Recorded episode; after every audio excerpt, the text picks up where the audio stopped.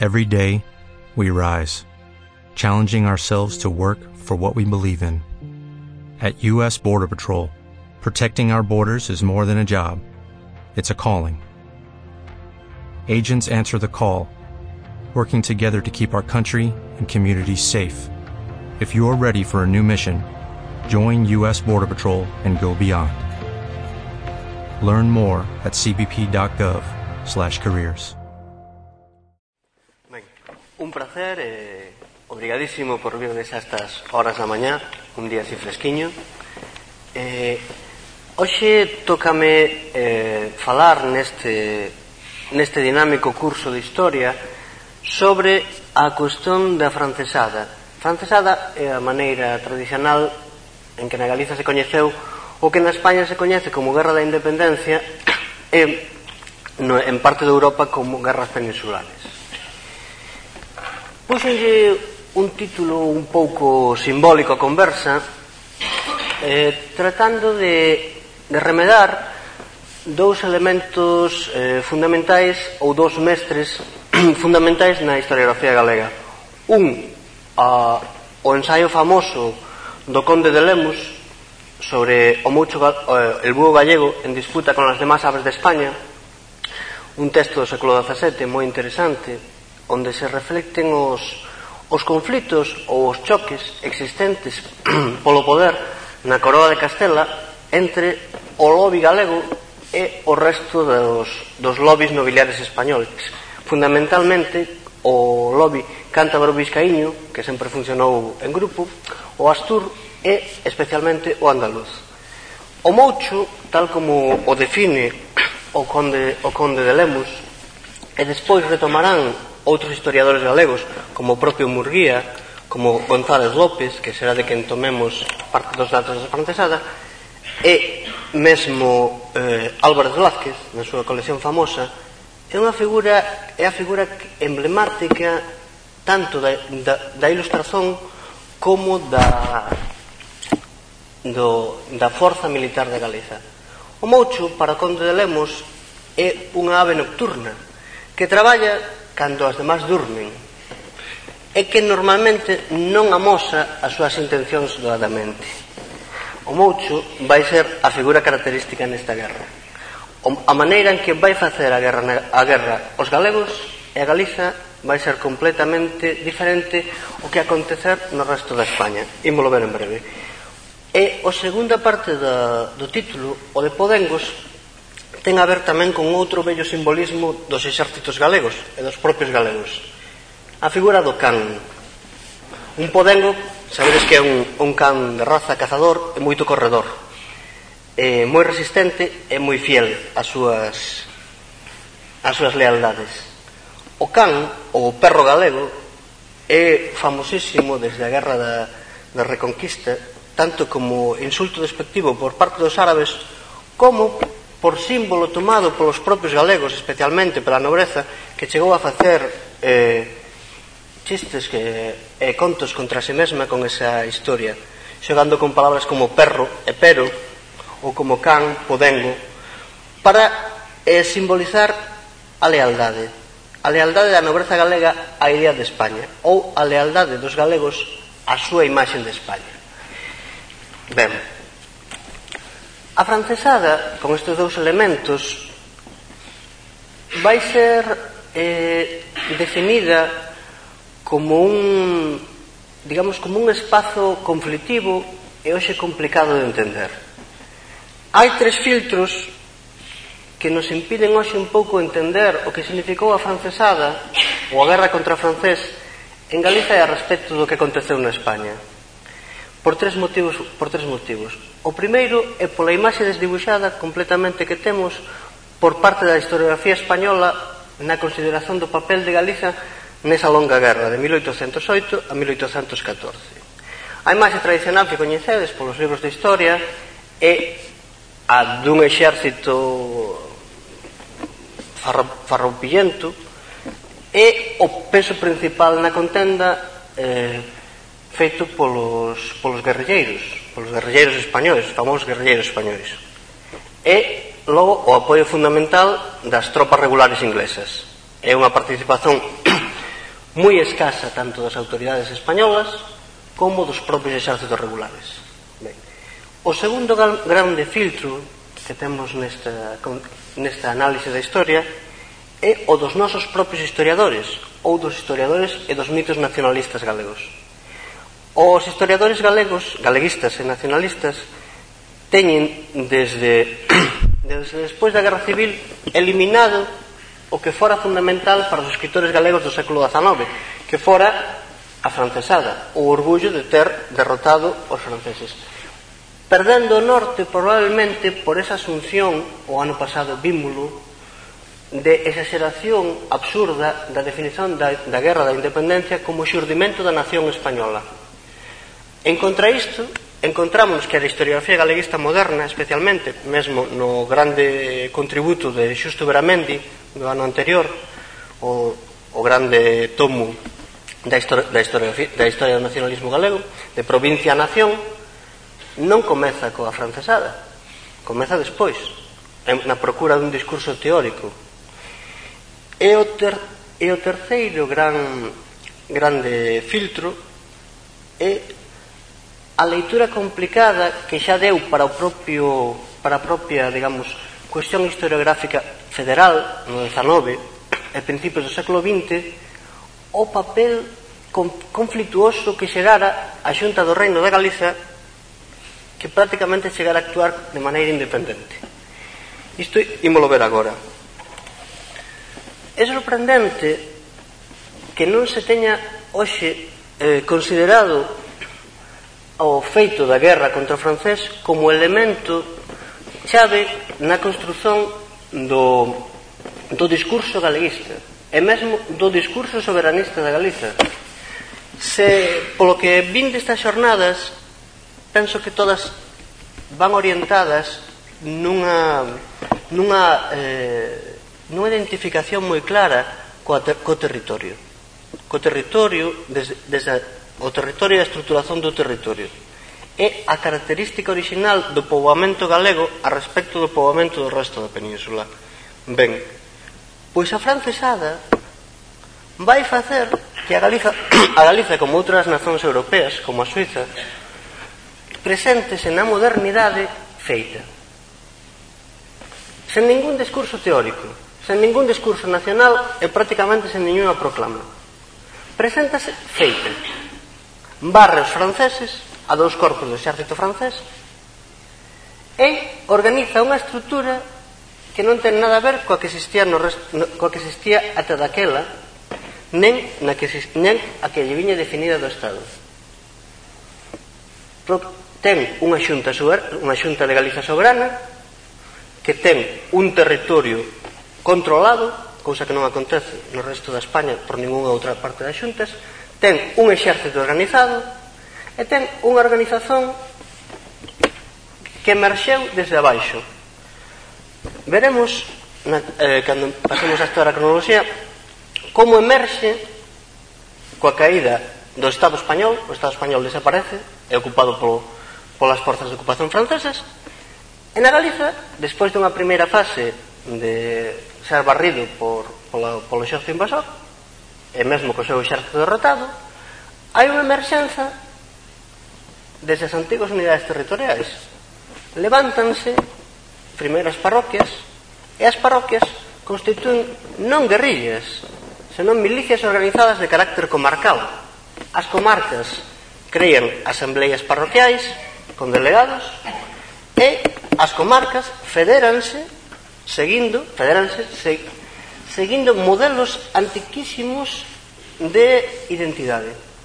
De feito, eh, até o século XVII, a organización natural natural da organización militar da Galiza que sempre estivo des, des, desarmada no sentido de, de ter un exército organizado, facíase seguindo a, eh, eh as dúas eh, tenentías naturais que son tremendamente remotas da casa de Lemus e da casa e da casa de, de Altamira. A casa de Lemus recollía todo o que eran os territorios os estados dos Castro, dos Andrade e dos Lemos. Co cal agrupaba todo o que era as Mariñas máis a parte de Mondoñedo en Monforte era o exército de defensa do leste e norte. E a outra tenentía era que pertencía á Casa de Altamira, que era dos Moscosos, Sarmiento, Baladares e Soutomayor, que defendía toda a franxa sur da Galiza. Esas eran as organizacións tradicionais da Galiza en tempo de guerra ata o século XVIII. Co século XVIII hai unha organización diferente, mas nesta guerra recupérase de alguna maneira a organización tradicional da Galiza, Pero é que non é só unha organización militar. Desde o primeiro momento é unha organización civil. As parroquias pasan a ter unha entidade organizativa. Desaparecen, se é preciso, en caso de invasión dos franceses ou dos ingleses. Des, eh, liberan os povos de xente, saen as montañas, organizan partidas, organizan o, abaste, o abastecemento e pouco a pouco as diferentes comarcas van federándose seguindo os agrupamentos máis primitivos prácticamente moi semellantes aos definidos por, por Graña ou por autores ou, por, ou, polo, ou últimamente por Xenio Martins. Federanse tribus de galegos.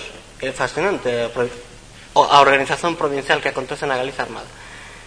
E antes de entender tamén Esta organización en tempo real coa cronoloxía dos feitos, sobre todo militares, convén tamén entender que a, francesa, que a francesada vai xerar un duplo movimento que atinxe e afecta a cuestión do orgullo nacional dos galegos.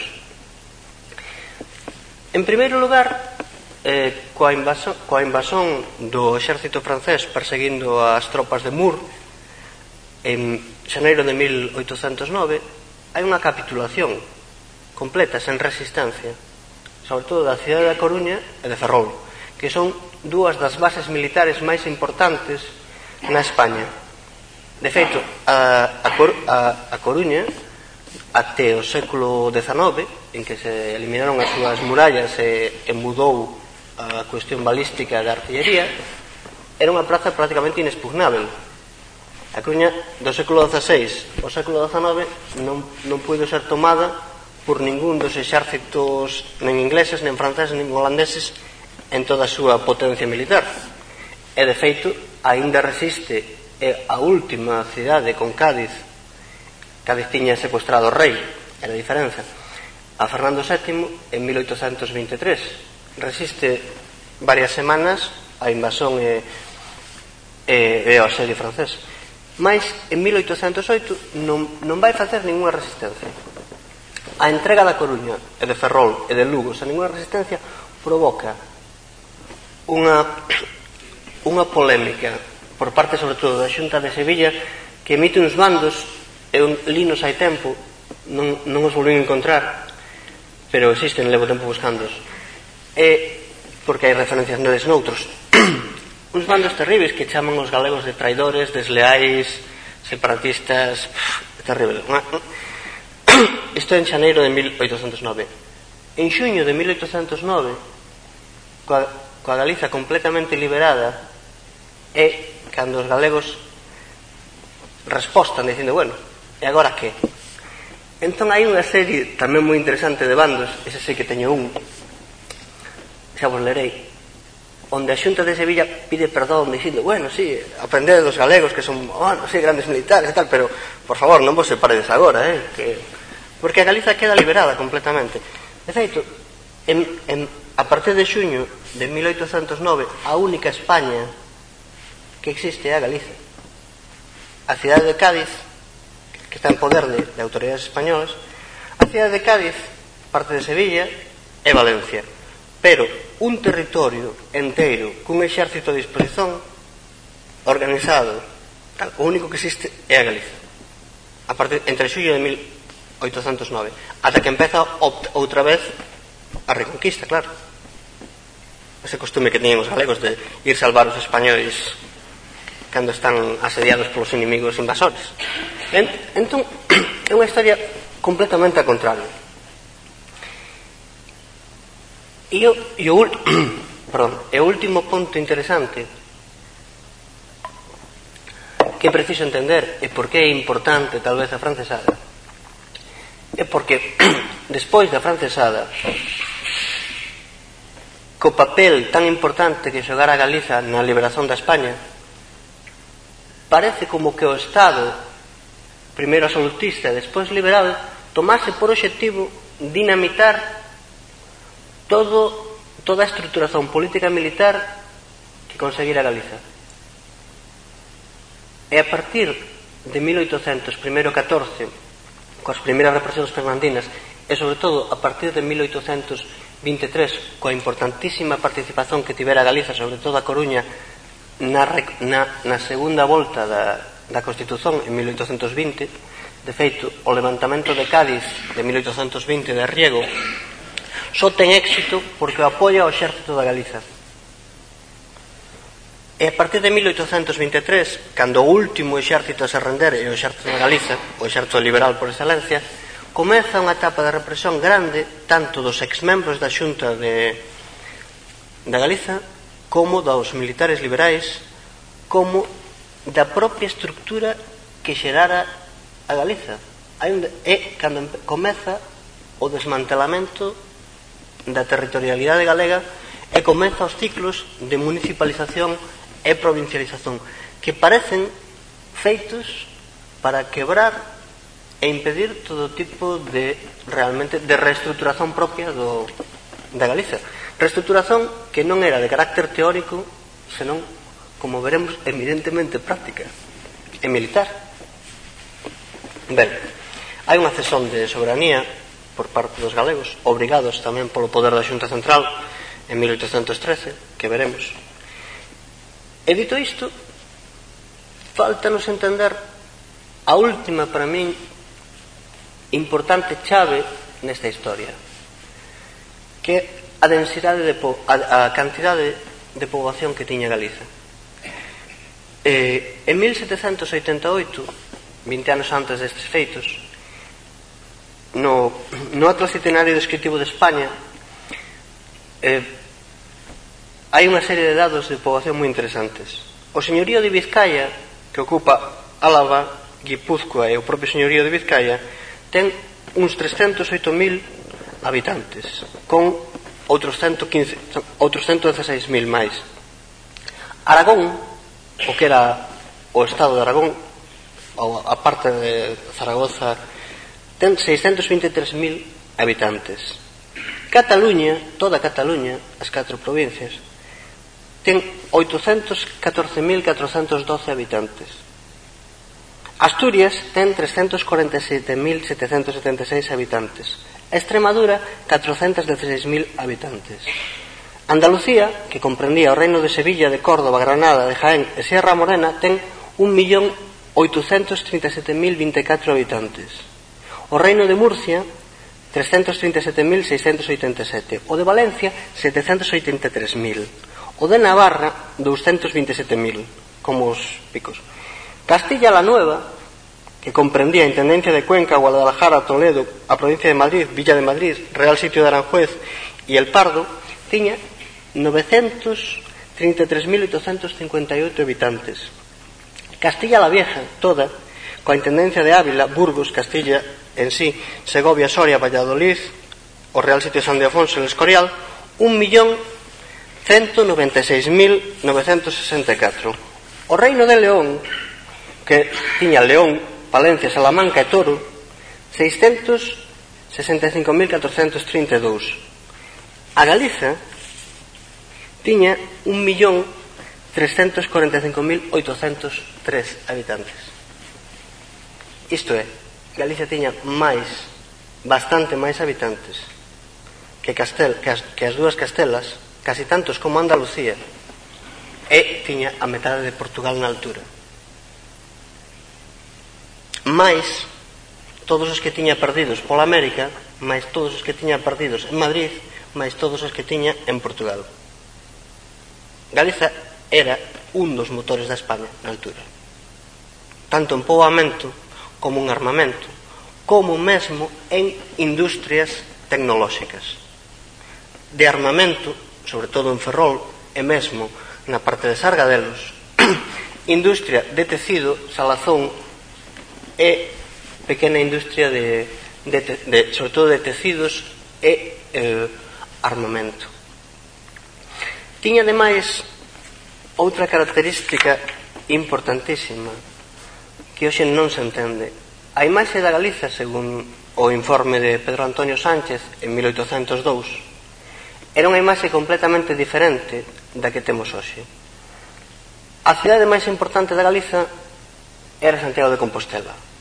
Depois, en tamaño e extensión, eran Ourense, Lugo, Mondoñedo, Pontevedra, Ferrol, Betanzos, moi por debaixo a Coruña, en nada Vigo.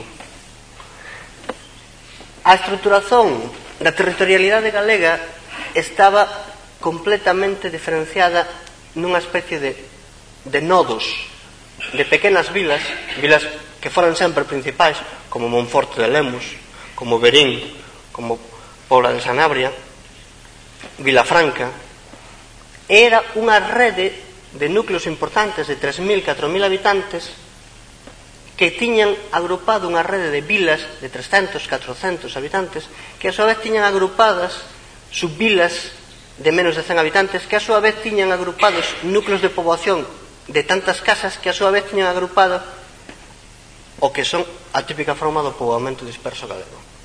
Iso era unha rede que tiña funcionalidade comarcal ao redor das vilas cabeza de, das grandes vilas cabeza de partido.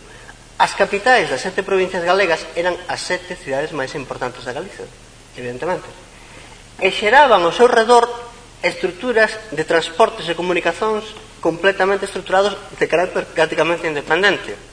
Pero era unha rede, un tecido. E a maior densidade de populamento agrupábase no eixo que ia de Betanzos a Lugo, pasando por Ourense e todo val do Miño. Aí é onde estaba a, poba, a poboación de Galiza. Por iso, nesta guerra, vai ser fundamental a participación do Ribeiro.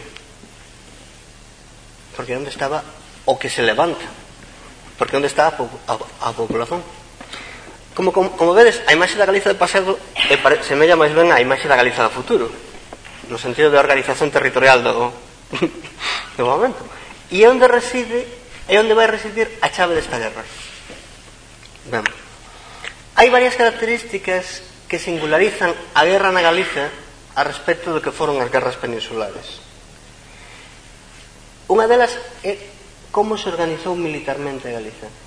A imaxe tradicional que temos da Guerra de España é a do levantamento do 2 de maio, a dos sitios numantinos de Zaragoza e Lérida, que foron unha destruzón da poción, a ocupación constante das cidades por parte dos franceses e españois, as carreiras que tiñan os ingleses e os franceses por toda a península, non chegaron en, eh, realmente grandes batallas houbo poucas, pero perseguíronse moitísimo durante tres ou catro anos, Eran unhas carreiras tremendas. E, iso e os famosísimos guerrilleiros españoles. Non? Ben, pois na Galiza non aconteceu nada disto. Houbo, primeiro, un exército regular que foi derrotado fora das fronteiras galegas, porque foi combater, era o exército do norte de España, dado que asturianos, vascos e cántabros non, non eh, foron máis ben colaboracionistas nesa altura. E logo, derrotado este exército, este primeiro exército galego, houve un levantamento, pero non de carácter guerrilleiro, houve un levantamento de milicias, de milicias, de milicias paramilitares, ao xeito do o xe, que fixeron unha guerra ao xeito da, da, da Revolución Norteamericana. Non sei se vistes aquela película de Mel Gibson que sempre é o herói, que é o patriota. Eh, describe o tipo de unidades conformadas que son, chamanse Minuteman ou Minuteman, que son mil, milicias voantes, pero son milicias radicadas e organizadas nun territorio. De feito, van ser, na parte de Ourense sobre todo, os abades E os fidalgos, os que van recorrer o procedimento clásico de tocar a campá, e con iso agrúpanse xa ten un corpo de homes preparados. A Confederación de Parroquias xa era pequenas milicias. E o que vai acontecer en toda Galiza do Sul. E estas milicias non van facer unha guerra de guerrillas. Ben, van hostilizar constantemente o inimigo as divisións francesas que, que se van ver obrigadas a agruparse en corpos de 300 ou máis persoas, senón que van presentar batallas en campo aberto, que é un feito inaudito. Non, isto, a diferencia entre unha guerra de guerrillas, as guerrillas son, son unidades de homes que se agrupan e se dedican a pillaxe, sabotaxe e a hostilizar os exércitos. Na Galiza non. Desde, desde o inicio van presentar operacións estratégicas coordinadas e loitas, batallas en campo aberto. A primeira delas, sen ningún tipo de exército, será a famosa batalla de Mourentán, en Rivadavia, en Rivadavia que perderán, pero que obrigará, como veremos, o general Sult a cambiar radicalmente a súa estrategia de guerra na Galicia. Ben, esta milicia, unha vez realmente veterana, vaise converter na estas milicias na famosa división do Miño, que a súa vez será a base do cuarto exército. Eh, o cuarto exército é a denominación do exército galego. Eh, o cuarto exército, o exército de Galiza, que será o que faga toda a campaña a partir de 1810 na guerra ata 1813 cun periplo fascinante que vai desde o Miño até o Vidasoa pasando por Sevilla é o, o flanco do exército, do exército de operacións luso-británico. Isto é, os galegos fan a guerra cos ingleses e os portugueses. E terminan sendo e terminan protagonizando a, ul, a última das grandes batallas da, da guerra. Hai outro fenómeno curiosísimo e diferente e é que na, que na Galiza constitúese por dúas veces unha xunta de Defensa e Armamento e esta xunta vai eh, operar prácticamente como un goberno do Estado. Non se limitará a operacións militares, senón que chegará a establecer relacións diplomáticas con Inglaterra, que serán as relacións diplomáticas fundamentais para o desenvolvemento da guerra, e con Inglaterra asinará moto propio, que logo causará moitos problemas, un empréstito de guerra co, co, cos ingleses. Isto é, a Galiza manda un a Xunta de Galiza manda emisarios a negociar tanto coa Inglaterra como con Portugal como coas, de, como coas demais xuntas. E das xuntas, quitando a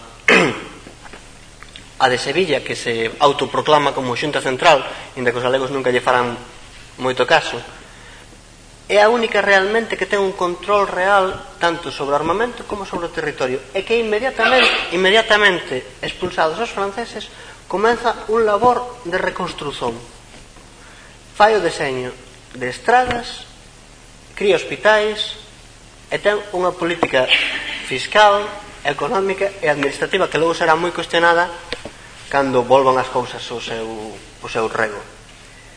É, é interesante porque de feito os programas os programas prácticos da Xunta da Xunta de Galiza, da Xunta Suprema de Galiza son os programas que manterá desde 1846 o provincialismo e despois o regionalismo.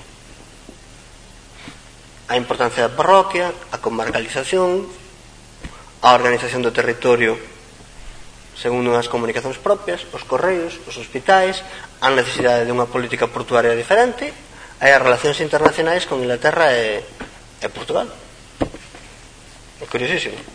Ben, e a Xunta Suprema da Galiza é a única realmente de todas as xuntas que funcionan dunha maneira bastante autónoma e anárquica que ten unha política de Estado. É a primeira que desde o primeiro momento asume que, que a guerra é total é de España é a que pon todo o seu exército unha vez liberado o seu territorio a disposición do resto cousa que as outras xuntas nunca conseguirán facer.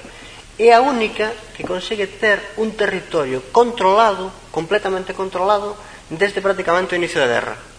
A ocupación francesa na Galiza se ocupa de xaneiro a xuño de 1809 entre maio de 1808 e xaneiro e depois de, de xuño até que cede a soberanía en 1800 porque xa ven o rei en 1813 é o Estado de feito inda que actúe de maneira coordinada coas outras xuntas con delegados e obedeza e de aí haberá moitos problemas as disposicións da xunta central que moitas veces son contrarias aos intereses dos galegos pero chega a ser prácticamente como como un pequeno corpo de feito eh,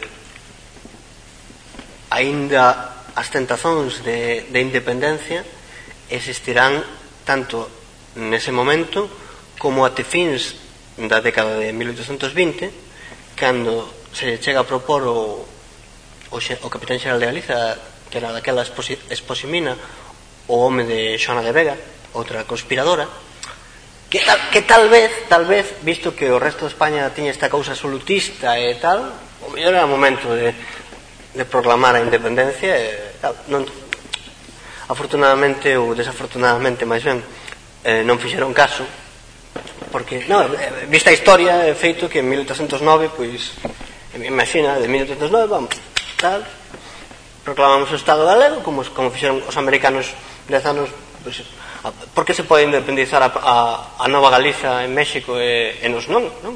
Ou, ou, ou ou por que se pode independizar Argentina que son todos galegos eh, os galegos daqui non son, de feito estaban independizados. Mas non aconteceu. Ben, iso non me importa. De fe, non, digo que despois visto como foi toda a historia do século XIX de desgaste e destrucción da Galiza pois francamente non sei que teria compensado máis. Pero ben eso. Ben.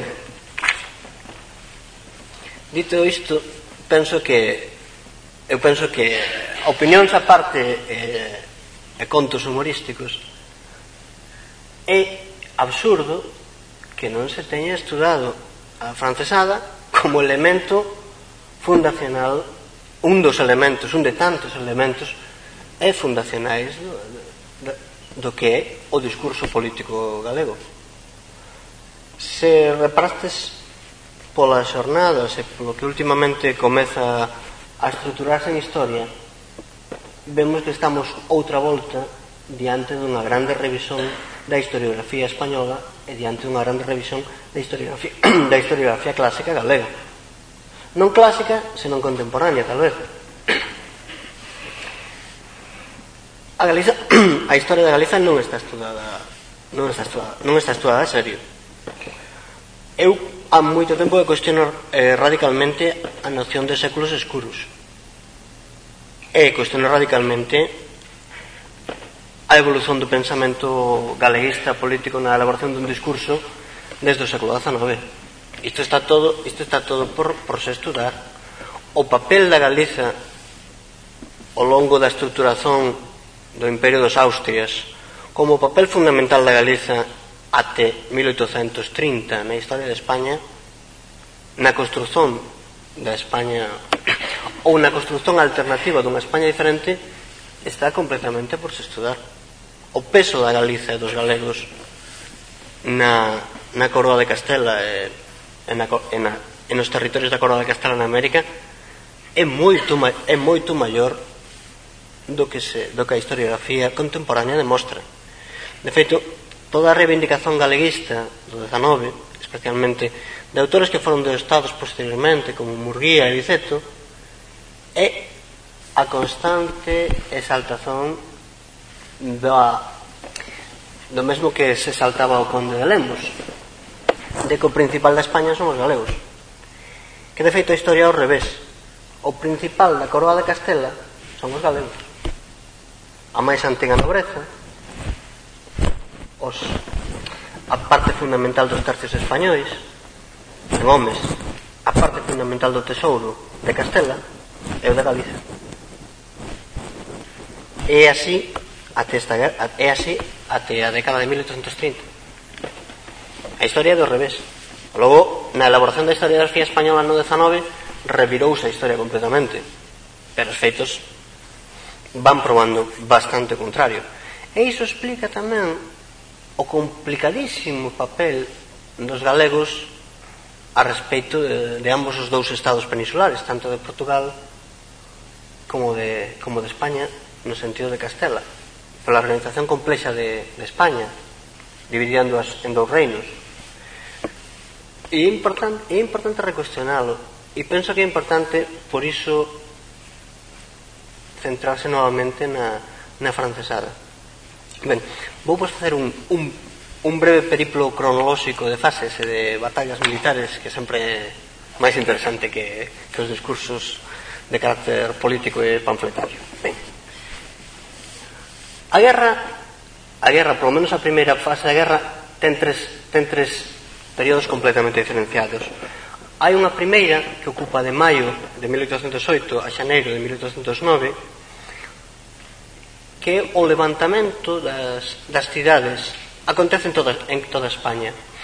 A situación en, mil, en 1807 é de caos total en 1807 e 1808. Porque hai, hai un problema fundamental que vai haber durante toda esta guerra e que as autoridades, as autoridades de verdade, eh, están co poder. E o poder pasa moi rapidamente criando valeiros entre os cortesáns de Carlos IV, os cortesáns de Fernando VII e o poder aliado de Fernando VII cos franceses, os franceses, a xunta de Bayona, Fernando VII. E as autoridades militares e civis acontecer o que acontecer sempre están, sempre están co poder. Vai ser a nivel popular e militar, nos militares de baixa graduación, onde se comece a dar o levantamento contra realmente o Estado. De feito, por iso tal vez é a guerra da independencia, porque realmente é ao xeito dos, dos norteamericanos. Levántanse contra a tiranía do goberno. E levántanse os estados de forma completamente diferente. Porque non, non se levanta... Cando ano anterior comenzaron con esas manobras ideolóxicas de, do xurdimento dunha nación rapidamente recuaron bueno, relativamente recuaron porque se encontraron con que realmente non houve levantamento dunha nación. Se hai algo que demostra o levantamento de, de maio de 1808 é que en España había moitas nacións e que cada unha se levantou de maneira completamente diferente. E na Galiza foi unha maneira de levantarse. Ben. en maio entón Sabemos, o 2 de maio, hai o famoso levantamento en Madrid, que é apoiado parcialmente pola, pola Xunta de Madrid, na que está Francisco Xil de Taboada Lemos, que é un galego, un militar galego, é un dos máis conspiradores, que logo será reprimido. Pero a situación nese momento é moi complicado, porque o grosso do exército español está na Suecia. España é até, até 1808 aliada de Franza. E O grosso do seu exército está dirixido polo Marqués de la Romana e está perdido en Suecia e vixiado polos franceses. Entón o que hai é un levantamento de civis entusiastas. Pero claro, civis entusiastas desarmados. En Madrid é unha masacre. Porque en Madrid están acantonadas a maior parte das tropas francesas. Na altura. En sitios onde hai tropas francesas ou as autoridades e tropas francesas, pois dependendo a proporción hai levantamentos ou hai, digamos, acordos ou hai verdadeiras revoltas sang sangrentas. Na Galiza, aínda que as autoridades son pro réxime, ceden especialmente na Coruña, dado o levantamento popular chefiado por Sinforiano López e polas forzas civis de carácter revolucionario. Ceden, entón entran ao poder e inmediatamente apoian o resto das cidades galegas e se constitúe a Xunta de Defensa e Armamento de Galiza. Na Coruña, Coruña era unha das bases militares máis importantes da España na altura. Tiña eh, fortificacións, baterías de canóns, e mesmo tiña, tanto para a defensa da audiencia como do acantonamento das tropas de Galiza, catro regimentos enteiros. O de, tiña, o, de, o nome dos regimentos era o de o de Zamora, o de Segovia, os provinciais de, de Betanzos e máis o, o de Navarra. Pero eran, eran, eran, eran os nomes, máis eran os, os catro regimentos galegos na altura. Había tamén tropas en, en Santiago, Lugo e Ourense. E de maneira que, da mesma maneira que as autoridades non secundan o levantamento, tanto os mandos militares como a populación, sí. Entón, Galiza pasa a estar prácticamente liberada. Hai moi poucas tropas francesas e non teñen intención de parecer por ali. A partir do día 30, a Xunta Suprema toma o poder na Coruña. e rapidamente comeza un labor de organización militar. O única oposición que encontra é a, do, a o do arzobispo de Compostela, porque son liberais exaltados, eh, e revolucionarios. O 30, o 30 de xullo dese ano acontece a, a famosa batalla de Bailén en que é derrotado o xerto francés polas tropas españolas. Na batalla de Bailén xa había corpos dos xertos, dos, había corpos do que era o xército de Galiza. Isto obriga a Napoleón a tomar o mando da situación. O 4 de 11 entra Napoleón na España coa Gran Armé, con cinco, entre 50.000 e 60.000 homes, en varios corpos do exército. O 11 on, o, o 11 dese mes da, eh, na batalla de Espinosa de los Monteros os exércitos franceses arrasan o que o que o que hai de exército galego que o exército de, de, o que o exército do norte que o que estaba chefiado polo general Blake que era un, un malagueño de orixe irlandesa. Na retirada desorganizada do exército galego xa se encarga eh, o marqués de la Romana que iniciará desde ese momento con este exército completamente xa desorganizado e, e sen abastecementos Unha política de fuxida que desconcertará profundamente non apenas as tropas francesas, cando tamén as autoridades españolas e os propios galegos. Fica eh, pola parte da Astorga e polo sur de Galiza fai de, de especialmente de Monterrey e da e das montañas galego-portuguesas a súa base de operacións, inda que as veces se desplaza até Asturias, Navia, sempre fuxindo. Nesa altura entra o contingente de inglés, o contingente expedicional inglés, por Lisboa. Desem, eh, desembarcan con Mur e diríxense cara a Salamanca. A altura de Salamanca eh, comprende o xerto inglés que, que as tropas francesas son moi superiores en número e non saben como van facer para enfrentalos. Entre outras razóns, porque ten divididas as súas tropas nunha parte que vai coa, coa, coa artillería e cabalería polo sur e coas tropas de reforzo do general Baer que teñen que vir desde a Coruña e nos que a xunta de, a xunta de Galicia non está moi polo labor de que desembarquen. É moi curioso porque inda que negocian desde o inicio cos ingleses os a xunta de Galicia non quere ter un exército de ocupación non, un exército de ocupación inglés no seu territorio. Desembarcado máis tarde, vai cara a Astorga, mentras Moore permanece en Salamanca. É famosa a historia toda da, da retirada de Moore até Coruña, que acontece no inverno de 1808 e, e inicios de 1809, que é unha desfeita, é unha desfeita total para, para as tropas inglesas, e na que suporá un atranco fundamental nos planos de Napoleón. Napoleón en ningún momento quixo entrar na Galiza. A tese que parece estar máis confirmada é que a idea xeral de Napoleón era confinar os restos do exército español máis ou menos derrotado na Galiza e deixar os galegos que se entendesen e non, e non entrar nunca naquel territorio ignoto e, e complexo.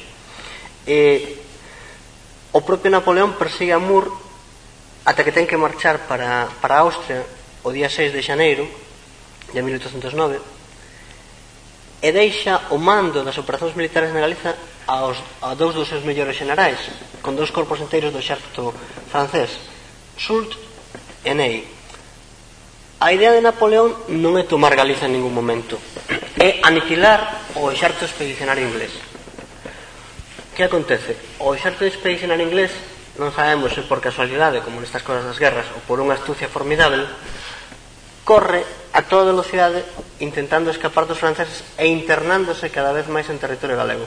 O primeiro obxectivo é Vigo, para o das tropas, mas termina por, por facelas embarcar na Coruña, nunha carreira a través do sul de Galicia no que non, no que non, está, non, non se está certo eh, por parte dos paisanos galegos quen devasta máis.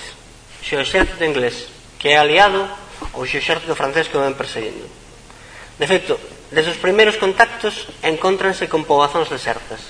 Porque claro, é, porque os ingleses dedícanse a pillarse, veñen famentos, despois de pasar o Cebreiro e as montañas, e dedícanse sobre todo a, a esquilmar o, o que encontran, madeira para facer lumes e viño. O viño do, da parte de Valdeorra, sobre todo, a Teurense, causou unha grande devastación no exército británico. E logo despois no francés. Foi un dos elementos de maiores baixas na, as terribles resacas do porque como os outros viñan detrás se os encontraron a todos bébedos e as moedas feitas para os ingleses sobre todo. O Brens acabou. Di feito González López que é un dos historiadores que se queda estupendo que algunha vez habrá que estudar a, a influencia do viño nas guerras españolas sobre todo para os xertos de ocupación. Así como na Rusia a neve e o, e o frío derrotaron o exército francés, o Ribeiro foi foi crucial na destrucción do exército, dos, de ambos os exércitos. Ben, entón, na perseguición inglesa eh, entran na Galiza dous exércitos inteiros de ocupación. Os ingleses consiguen embarcar na, na Coruña entre o 14 e o 16 pero vense obrigados por retraso das tropas por culpa do mal tempo a, a dar o que se coñece por, por Batalla da Coruña en a historiografía española por Batalla del Viña. Batalla que por certo ambos os bandos sempre se atribuíron. A vitoria nesa batalla sempre se atribuíron os dos bandos. No, no arco do triunfo francés en París nas guerras napoleónicas, aí está la Corogne, como na, na conta das batallas gañas, e na historiografía británica sempre consideraron que foi un, unha saída moito mellor que a de Dunkerque, o sea, evacuaron prácticamente o grosso do seu exército. Non obstante a morte de varios oficiais, entre eles Sillon Moore. E, as portas da Coruña, o día 16, da a batalla del Viña, que ten perdas para ambos os, para ambos os lados, pero o exército británico consegue o seu objetivo que é a retirada da maior parte do contingente.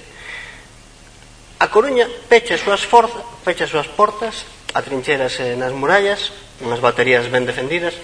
A Coruña ten, tiña na altura un sistema duplo de murallas, era como Cádiz na altura prácticamente unha illa, eh, moi, era moi estreita, a Coruña chegaba até o que hoxe é Xoana de Vega, e ali están as primeiras murallas de defensa. Era un, un espazo moi reducido nunha populación moi densamente moi densa e con moito, con moito exército e baterías moi importantes. Non era un objetivo eh, teria, caus, teria custado a invasión da Coruña para os franceses probablemente unhas pardas tremendas. Mas o, a Coruña ríndese o día, o día 18 de o día 18 de, de xaneiro. Capitula sen presentar ningún tipo de resistencia. Así na que os franceses unhas capitulacións completamente eh, lamentáveis no sentido tal, pero consigue que non haxa nen pillaxe, nen saqueo, nen destruzón, nin bombardeamento. E permite tamén dar un día de marcha aos ingleses para se retirar. Feito que os ingleses sempre agradecerán e en parte os franceses tamén. A entrega da Coruña e o día seguinte de Ferrol, onde está todo o arsenal da Armada e mesmo varios buques en, varios buques de guerra e fragatas en construción perfectamente equipados, causa o estupor na Xunta Central e sobre todo na Xunta de Sevilla que na altura se quer atribuir o papel da Xunta Central dado que a Central está prácticamente disolta. E hai unha serie de bandos acusando os galegos de traidores, antipatriotas, eh, fenomenais. De feito, os historiadores non se poñen de acordo nin os ingleses, nin os franceses nin os españoles de por que os galegos por que a Coruña entregouse sen ningún tipo de resistencia por que Ferrol, e Lugo e Ourense e Pontevedra a continuación que eran prazas bastante armadas se entregan sen ningún tipo de resistencia. Non está claro e non se poñen de acordo se é por, pola cuestión de estar as autoridades de ser as autoridades afrancesadas ou que probablemente xa tese máis, máis importante do coñecemento eh, tal vez astucia dos propios galegos de ceder o espazo sen perder nen as fábricas nen as propias cidades. A diferenza do que aconteceu en Zaragoza que o exemplo que, que, lle puñan, que se lle puña a Galiza Madrid, Lérida e outras cidades é que esas cidades quedaron inmediatamente destruídas.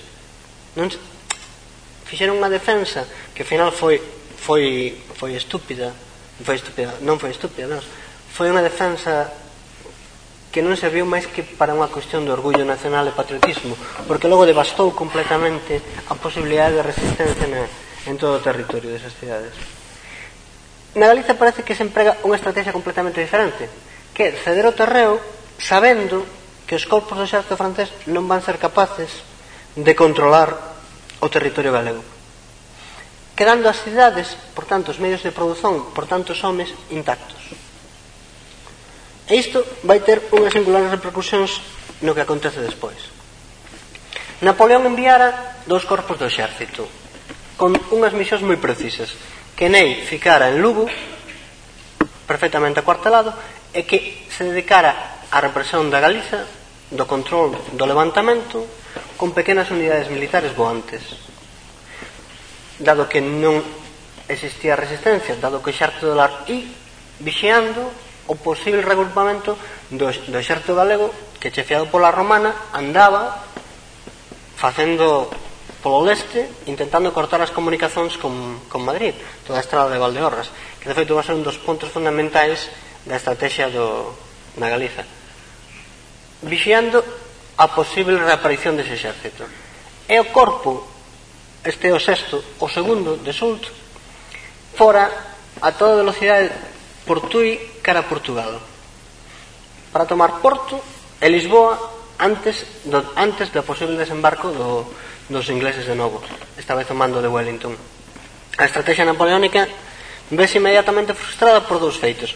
Primeiro, Sul chega a marchas forzadas A Tui, que se encontra co miño moi crecido e con que os portugueses teñen o seu sistema de fortes para a defensa contra os galegos perfectamente artellados e non, e non ten posibilidades de pasar. Que decide entón? Maniobrar. E sae correndo cara a Ourense.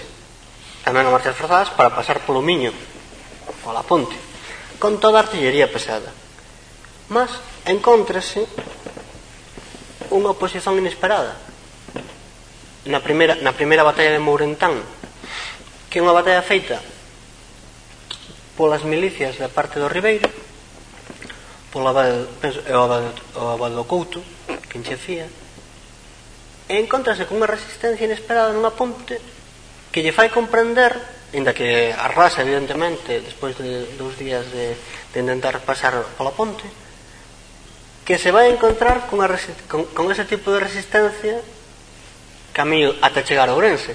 Co cal, cometeu un erro moi grave, que é deixar toda a súa artillería pesada de volta de camiño a Tui. Pois o Tui vai ser despois un dos obxectivos fundamentais da división do Miño, a tomada de Tui, porque onde está toda a artillería de Sult. Entón Sult sae co, coa cabalería de infantería por Ourense, camiño a Porto. Cando está a altura de Porto, comeza a receber noticias de que Ney non pode controlar a Galiza. Comeza unha guerra completamente diferente do que se fixera até a altura. Por unha parte, todo o sul levántase, o xeito que falamos antes, levántanse todas as comarcas e cada comarca levanta unha, unha pequena tropa. Había depósitos de armas, dado que non houbera, dado que as autoridades militares entregaran en resistencia, había depósitos de armas, un deles fundamental que fora deixado polo exército inglés en Monterrey, no seu aprovisionamento, en Pontevedra e nalgúnas das pequenas vilas. Entón, hai unha distribución de armas para, po para a poboación. E comeza unha organización, por unha parte, militar no sul da Galiza, con dous fontes de operacións principais, un, a ruptura das comunicacións coa península, na zona do barco de Valdeorras, do, de Valdeorras a Vilafranca, iso está tomado tanto polos, polos, polas distintas milicias galegas como nunhas milicias que se, que se organizan e van tentar asaltar inmediatamente tanto Tui como Vigo con un foco de resistencia moi, moi importante en Pontevedra e cun levantamento sistemático e organizado por toda a costa galega Mondo, desde Mondoñedo até Corcubión. Nei encontras entón sen saber moi ben para onde, para onde acudir. Por unha parte, ten, non pode abandonar, ten partes na Coruña e Ferrol, que están intactas, e militar, mil, eh, militarmente son, son fortes e importantes, están, hai acantonado máis detido eh, xerto, parte dos exércitos españoles ten que destinar moitas tropas ao control de Coruña, Vigo Pontevedra, ten que controlar Lugo e ten que controlar todos os levantamentos de todas as parroquias galegas, tanto do norte como xas moi organizadas do sul.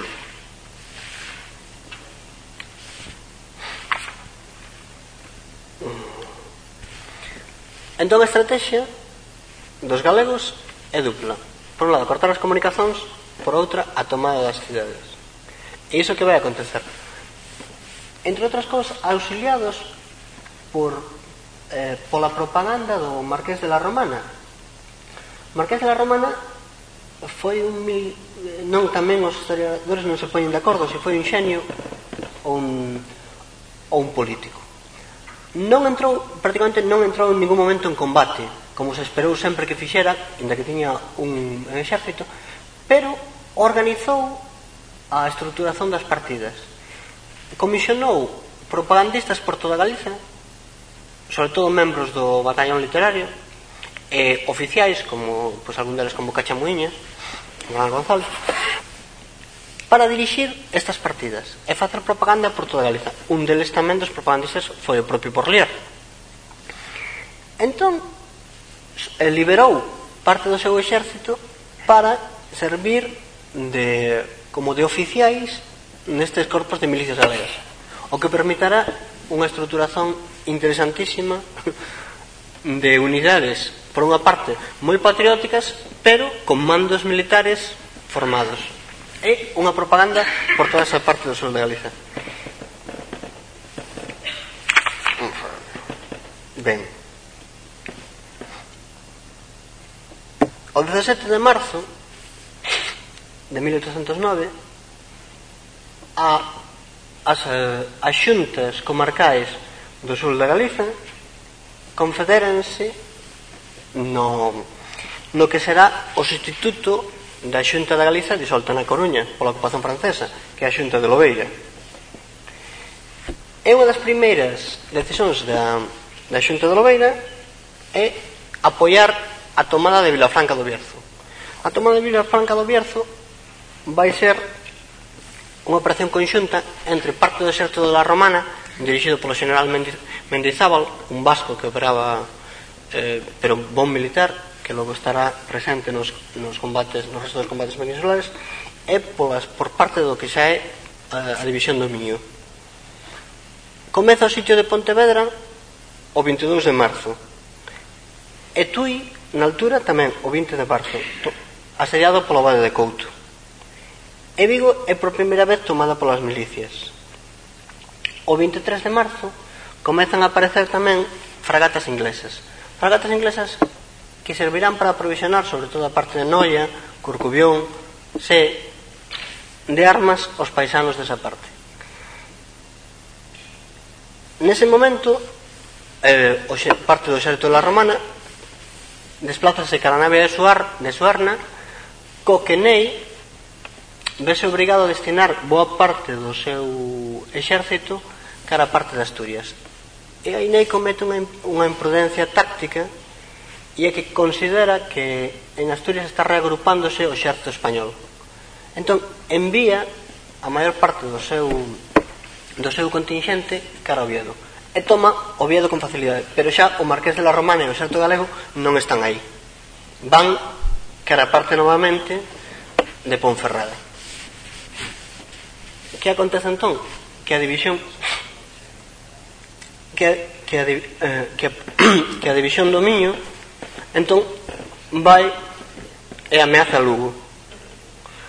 Lugo queda sitiada e xusto no momento en que parece que, vai, que, va, que van tomar Lugo aparece eh, Xult a marchas forzadas desde Ourense eh, a rescatar a Ney. O problema está en que ten abandonado o fronte de operacións portugueses.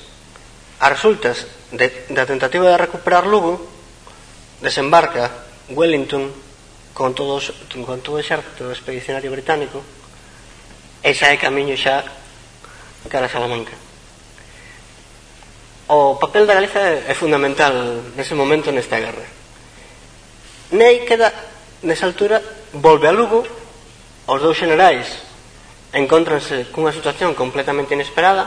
Por unha parte Sult eh, ten como objetivo os ingleses di que eh, estes galegos non hai, aquí non hai nada que facer salvo perder. Non se pode controlar eh, este é un territorio que non, que non ten nada que non ten sentido que a batalla hai que dala no Douro contra, contra Wellington e contra o xerto español de la Romana está obsesionado con, con capturar con destruir ese exército. E nei di que non, que as súas ordes, as súas ordes en persoa de Napoleón son pacificar Galicia, que el vai pacificar Galicia, que o ten que facer Sult é a, agrupar, agrupar as tropas, e barrer o inimigo que agora se dá conta que que a, que a, a, tro, a tropa de a división do, do Miño.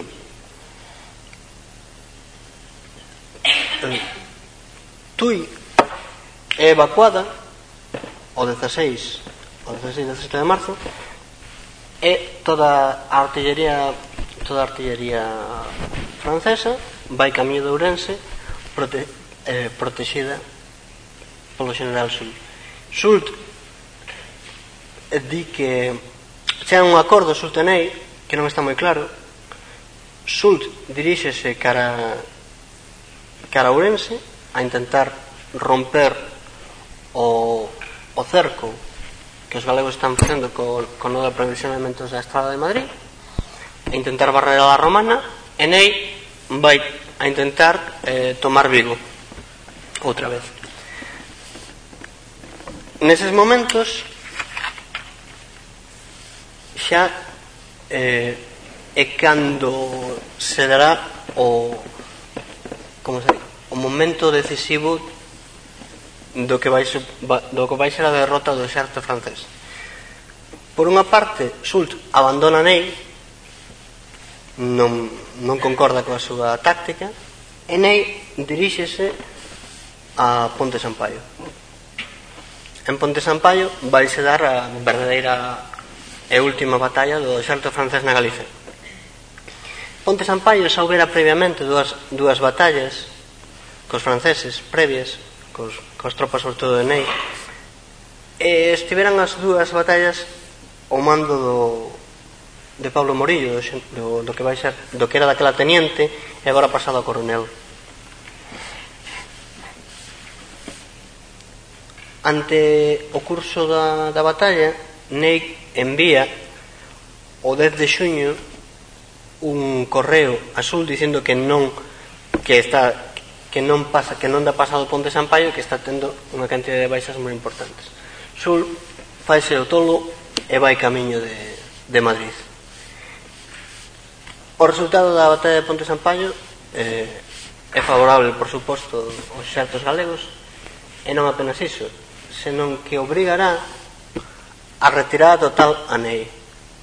Ney, en vista do que se lle ven encima, de que baixa polo norte cara cara a Santiago uh, as forzas da, da Coruña e máis da costa e que lle ven do sul toda a división do Miño e que ainda ten o corpo de la, o corpo de la, o corpo misterioso do Marqués de la Romana bailando polo sur do Ourense emprende retirada. Pasa rapidamente para Ourense e procura todo o que lle resta de tropas en Lugo, Betanzos e, e Coruña. E comeza unha, unha saída que tamén será recordada pola súa pola devastación que xa era o seu caso, o seu paso. É unha fuxida cun cabreo terrible. O sea, cando se producen os feitos máis máis máis violentos e, e a depresión máis a represión máis grande da, da Galiza no camiño que fai Neina saída da Galiza. Pero feito é que O día 9 retírase, en comeza a retirada, o día 9 de xuño, e nese momento a división, a división do Miño vai cara a Compostela, vai tomar Compostela. Libera Compostela, parte vai para Lugo e parte entra na Coruña recibida como, como unha verdadeira apoteose de liberación. Nese momento de xuño, inicios de xullo, Galiza queda libre do francés. Conta xa cun goberno, cun pequeno goberno, que é a Xunta de a Xunta de Galiza, e cun agora exército en condicións, que é a División do Miño, que se transformará no no cuarto exército, que fará toda a guerra peninsular. Co cuarto exército hai un hai un debate xa na hai un debate xa na Coruña a respecto de das autoridades de se continúa neste estado de goberno civil ou se realmente quen ten que desempeñar o poder é agora a Xunta Central. Com... Entón, hai unha especie, a partir de 1810, de pequenas eh, de pequenos de pequenos debates sobre eh, a cuestión da legitimidade da, das decisións que toma a Xunta da, da Galiza, decisións sobre todo de tipo económico é de tipo armamentístico. O feito é que con Galiza liberada e sen franceses, co control do territorio, os galegos non saben moi ben tirar partido da situación. De feito, eh, nas Cortes de Cádiz, que van comezar a seguir en 1810, os delegados galegos elexidos van ser casi todos conservadores e van ser bastante incapaces de tomar de, de tomar consciencia do que acaban de facer na Galiza. Van centrar as súas reivindicacións na defensa do absolutismo, prácticamente na, no mantemento dos privilexios nobiliares, porque en ninguna parte como en Galiza realmente había tal cantidad de privilexios nobiliares e monacais, van centrar a súa reivindicación na defensa do voto de Santiago. O voto de Santiago era un canon que tivo o Estado español precisamente ata as Cortes de Cádiz que tiña a monarquía española coa Igrexa de Santiago polos servizos prestados na Reconquista polo apóstolo prácticamente. E foi un dos grandes foi, o, a polémica do voto de Santiago foi unha das grandes polémicas do século XVII e xa arrancaba no XVI e é por, por este canon que pagaba a monarquía española a Igrexa de Santiago que é un, é unha, era unha fortuna en rendas de feito ese, ese é o motivo de querer sempre eliminar o apóstolo Santiago da, da, da, do patronato da España. O gramame que tiña o, o voto. Ben. A partir deste momento aínda que hai unha, unha empeza a estruturarse xa máis o poder da Xunta Central, hai unha cesión de soberanía, e comezará a parte corredora, digamos, do cuarto exército. O cuarto exército colo, colaborará no flanco de, de Wellington, toma, indo cara, cara a Extremadura, e, cont e intentando controlar tanto a Extremadura como posteriormente Andalucía. Será o xerto de liberación desa parte de, de España. Logo subirá por Castell, por todo por, polo que sería natiga pola Mancha e terminará despois de escaramuzas variadas como flanco do exército inglés e máis do, do, do exército que ven xa da Cataluña e de Valencia nun dos momentos máis interesantes e importantes tamén da guerra que a, que a batalla de San Marcial. A batalla de San Marcial o, trin, eh, o, o 31 de de agosto de 1813, son tres días de batalla, é unha batalla moi, moi interesante por dous motivos. Primeiro, porque é unha batalla na que por cuestións non sei moi ben se si de incompetencia ou de maldade terminan eh, termina sendo só o exército galego que en a leva. Os ingleses están están empeñados en tomar Vitoria entón nesa altura, nese momento entra o último, a última tentativa do xerto francés de retomar e entrar na España aniquilando os ingleses. Cos ingleses no sitio de Vitoria a únic, a un, o único que corta o paso do exército francés é o cuarto exército que está, nas, está no Vidasoa nas alturas de San Marcial durante, eh, durante tres días non recibe ningún tipo de abastecimento, nin de aprovisionamento, nin de, nin de comida, nin de, prácticamente de auga, nin de municións. Por eh, problemas co, coa xunta coa xunta central do momento e por problemas co resto do exército español. E os ingleses, que durante toda a guerra practicarán unha, unha guerra moi particular, moi, moi particular, os ingleses como fixeron ao longo de toda a historia, practican un tipo de guerra moi, moi interesante, que é facer, por eso se di traballar para inglés, que facer traballar ao aliado o paso que llevamos devastando todo o que encontramos o paso. Os ingleses na guerra na guerra española axudar axudaron, pero tamén voaron todas as fábricas, dinamitaron todos os portos que puideron, pasaron pasaron eh, eh, a pillase a mínima.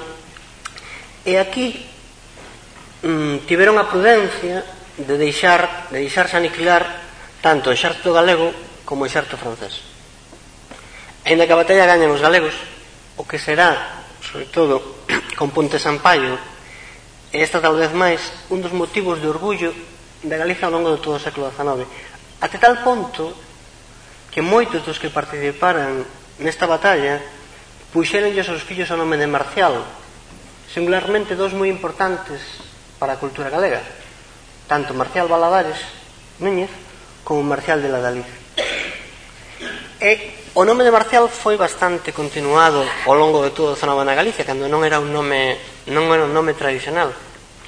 E é curioso, porque o orgullo pola, o orgullo pola, pola batalla de San Marcial é moi significativo do que foi o patriotismo galego a respecto de España durante todo o século XIX polo menos ata a década de 1860 en que xa está esquecido pero era o que se dicía non, non, pero que ao final salvamos vos nos de feito, boa parte do conflito antigalego no XIX ven por aí. O choque constante entre de mentalidades e mesmo todos boa parte dos tópicos veñen tamén da parte do orgullo galego de dicir, bueno, si, vos, vos dicido que queirades, pero e de feito xa eh, inmediatamente despois de, non se deteñen as tropas de, do xeneral Freire senón que entran na Franza. Son as primeiras en entrar na Franza. Camiño de, de París. Só que nese momento volve a España Fernando VII e di que que volvan que non que, que, xa, que xa acabou a guerra senón as capitulacións con Franza e termina nese momento xa a guerra. Ben. Hai un hai un detalle curioso en todo isto e nos bandos hai un bando de mil xusto de 10 de xullo de 1809 que é interesante no sentido do que decíamos de Martín de Garay da xunta, da xunta de la Suprema Junta Central Gubernativa del Reino ha mandado publicar lo siguiente. É da xunta de Sevilla. Veredes un par de parágrafos que interesante. Pueblos de Galicia. Al veros caer en poder del enemigo, sin resistencia alguna, al contemplar ocupados los emporios navales que ensorbecen vuestras costas y, domi y dominada de mar a mar tan principal y poderosa provincia, la indignación y el dolor hicieron prorrumpir a vuestra patria en queixas de maldición y de enojo, como madre que se estrella al cielo y a la tierra de la degradación de una hija en cuya virtud y pureza idolatraba. Sucedíanse entonces los reveses como en la época anterior de los buenos sucesos. A las batallas de Espinosa, de Burgos, de Tudela se habían seguido el paso de Somosierra, la toma de la capital y la rota de Uclés. Vinieron después a afligir el corazón de la patria la ruina de Zaragoza, la jornada de Valls y la batalla de Medellín. Pero en estos memorables acontecimientos, si la fortuna nos había fallado, la opinión no se había perdido. La resistencia portentosa de la capital de Aragón, el tesón y la bizarría con que a pesar de la inferioridad de su número sostuvo nuestro ejército de Cataluña una acción de once horas, abriéndose paso por en medio del enemigo para entrar a despecho suyo en Tarragona, la pelea sangrienta de Medellín, en que los franceses se vieron sorprendidos de la intrepidez y osadía de nuestros soldados, a quienes en su corazón despreciaban. Todo contribuía a que España, aunque lastimada de estos desastres, no perdiese la confianza. Sus guerreros marchaban por la senda del honor, y adquirían cada día más derechos y más medios para conseguir la victoria. Más Galicia, Galicia, entrada sin resistencia, dominada sin contradicción y llevando tranquilamente su servidumbre, Galicia desbarataba todos los cálculos de la prudencia y asesinaba al Estado, destruyendo la esperanza. ¿Quién en aquella noche de infortunios pudo presumir que fuera Galicia la que diese a la patria el primer albor de la alegría? Y continúa con piropos, ¿no? Este fue el primer día de fortuna que lo hizo a España después de cinco meses de desastres. A él se siguieron otros. Y aquellos mismos hombres que en el primer momento de la sorpresa habían parecido tan abatidos y sumisos eran los que preparaban las palmas que después recogieron con ellos los, guerreros que volaron a su auxilio en las calles de Santiago, en los campos de, Estrella y de Lugo, en el puente Sampaio. En vano Sult, escapando a duras de Lugo, y de Oporto viene con los restos de su división batida a reforzar el enflanquecido Ney. Hostigados en sus marchas, diezmados en sus partidas, cortados en sus comunicaciones y burlados en su esperanza de dar grandes batallas, estos arrogantes generales desesperaban de vencer y maldicen y detestan una guerra que los consume sin gloria. ¿Dónde está aquella cereza? ¿Dónde está aquella seguridad que es lo que les decían, que todo estaba llenado en la península menos la Coruña y el Ferrol? ¿Dónde aquella jactancia? Y sigue, bla, bla, bla. No saben todavía los españoles lo que es la guerra, los Pero transportaros a Galicia, oh miserables, si os atrevés a hacerlo, y aprended hasta dónde alcanzan los quilates de la entereza española. Y sigue, bla, bla, bla. Y termina. Sois pues ya libres, oh pueblos de Galicia, y la patria al pronunciarlo borra con lágrimas de admiración y de ternura las voces dolorosas con las que se quejó de vosotros en otro tiempo. Sois libres y lo debéis a vuestra exaltación sublime, a vuestro valor, a vuestra constancia. Sois libres y España, Europa toda, os dan un parabién, tanto más dulce cuanto más desesperada parecía vuestra suerte. Los buenos todos bendicen vuestro nombre y al proponeros como un modelo de las demás provincias, mira el día de vuestra salvación como el presagio venturoso de la patria. Pero, oh pueblos de Galicia, si queréis conservar esa libertad que a fuerza de prodigios habéis sabido conseguir, si mantenéis sin mancha la gloria que resplandece en vosotros y reverbera en toda España, si conseguir sazonados y completos los frutos de tanto afán y tantos sudores, manteneos unidos y subordinados a las autoridades que tenéis al frente.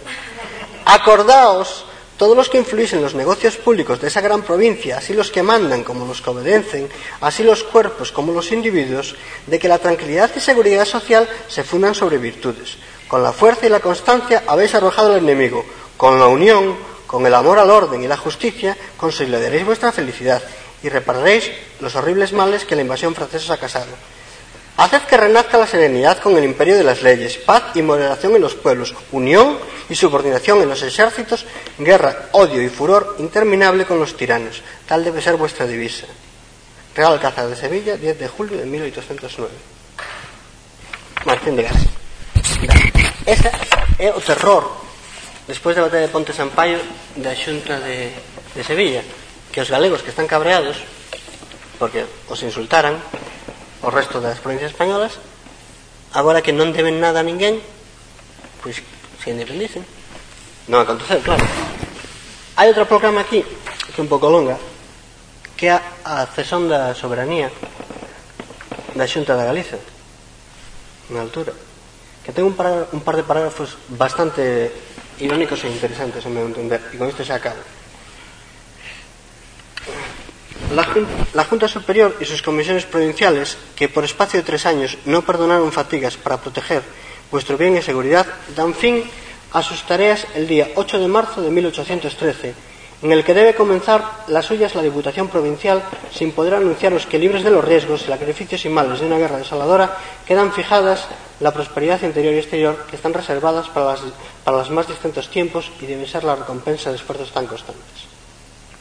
Ya recordaréis la época desdichada en que, derrotados los dos grandes ejércitos nacionales en el Caño y Alba de Tormes, triunfante el enemigo entró en las Andalucías, precisando abandonar el sitio de su residencia a la Suprema Junta Central, que apenas tuvo tiempo para nombrar con quietud una regencia en la isla de León, al mismo que la Junta de Sevilla, estando los franceses a sus puertas, se declaró suprema de la nación y dirigió expresos a las provincias para la que reconocieran por tal.